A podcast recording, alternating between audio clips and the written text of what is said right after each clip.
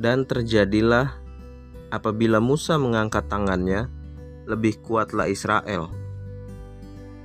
Tetapi apabila ia menurunkan tangannya, lebih kuatlah Amalek. Keluaran pasal yang ke-17 ayat yang ke-11 demikian firman Tuhan. Siapa yang tidak kenal dengan Napoleon Bonaparte? Kaisar terbesar dalam sejarah Prancis, seorang pemimpin sekaligus panglima perang yang sulit sekali dikalahkan pada masanya. Kunci kemenangan Napoleon di setiap pertempurannya ternyata punya kisah yang menarik.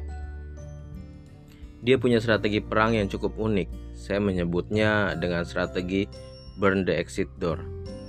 Napoleon ketika sampai di sebuah pulau yang akan direbut, dia akan membakar kapalnya sehingga pilihan pasukannya bukan lagi menang atau kalah lalu pulang, tetapi menang atau mati karena tidak ada jalan untuk kembali. Strategi ini akhirnya banyak diterapkan oleh mereka yang berusaha di bidang entrepreneurship untuk memotivasi agar mereka lebih berusaha mati-matian. Semua berawal dari strategi.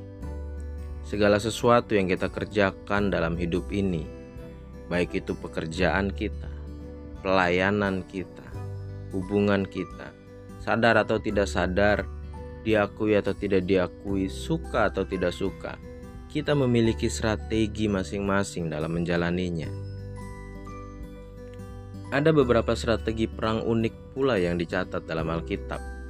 Di antaranya dalam Yosua 6, di mana pasukan hanya berbaris mengelilingi kota lalu meniup sangkakala untuk merubuhkan benteng dan merebut sebuah kota. Atau di Hakim-Hakim pasal yang ketujuh, mereka pula hanya mengelilingi perkemahan dengan obor lalu meniup sangkakala. Dan yang hari ini kita baca dalam keluaran pasal yang ke-17 di mana Yosua berperang lalu ada Musa di belakang dengan tangan terangkat. Ketika tangan Musa terangkat, maka Israel menang, tapi ketika tangan Musa turun, maka orang Amalek yang menjadi lebih kuat. Saya tidak menemukan catatan lain mengenai kapan awalnya dan mengapa strategi perang dalam Keluaran 17 ini digunakan. Tetapi yang jelas dan pasti adalah bahwa ketika tangan Musa terangkat kepada Tuhan, menjadi faktor penentu pihak yang menang. Namun Musa tidak selalu dapat mengangkat tangannya. Ada kalanya Harun dan Hur harus menopang tangan Musa dan selama tangannya terangkat, mereka akan meraih kemenangan. Usaha bersama dari Musa, Harun, dan Hur memungkinkan Yosua untuk memenangi perang. Dalam ayat yang ke-14 sampai 16 dalam Keluaran pasal yang ke-17, kita membaca sesuatu yang menarik tentang Yosua. Allah memerintahkan Musa untuk mencatat seluruh peristiwa peperangan dalam sebuah kitab. Artinya, Kemungkinan Yosua tidak tahu bahwa ia sedang ditolong. Allah memerintahkan semua peristiwa dalam perang itu baik di garis depan maupun di barisan belakang dituliskan dalam sebuah kitab. Allah hendak memastikan Yosua mendengar semua yang terjadi.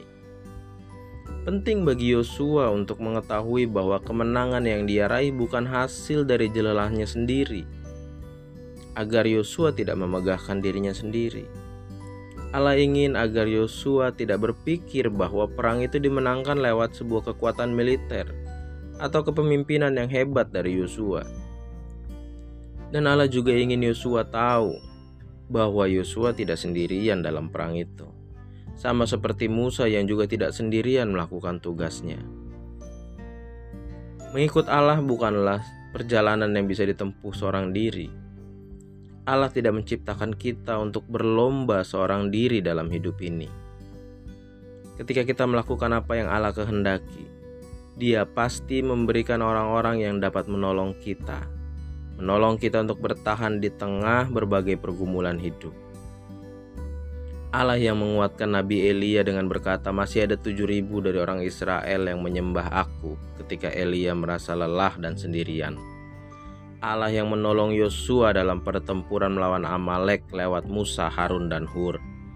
Allah yang sama yang tidak pernah membiarkan kita sendirian melewati setiap musim kita.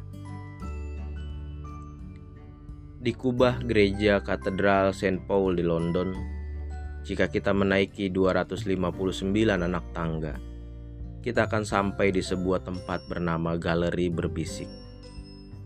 Tempat di mana ketika kita berada di sana dan berbisik, maka suara kita dapat didengar sampai jarak 30 meter jauhnya. Itu karena anomali yang diakibatkan dari bentuk kubah dan rendahnya intensitas gelombang bunyi yang ada di sekitarnya. Dari galeri berbisik Allah di surga, Dia mendekatkan dirinya kepada kita untuk memperhatikan keluh kesah, bahkan bisikan kita yang paling lirih. Dia mendengarkannya. Dia Allah yang selalu ada dia Allah yang mendengar, dan Dia Allah yang peduli. Jangan berlari sendirian. Selamat menang dalam pertempuran. Tuhan memberkati.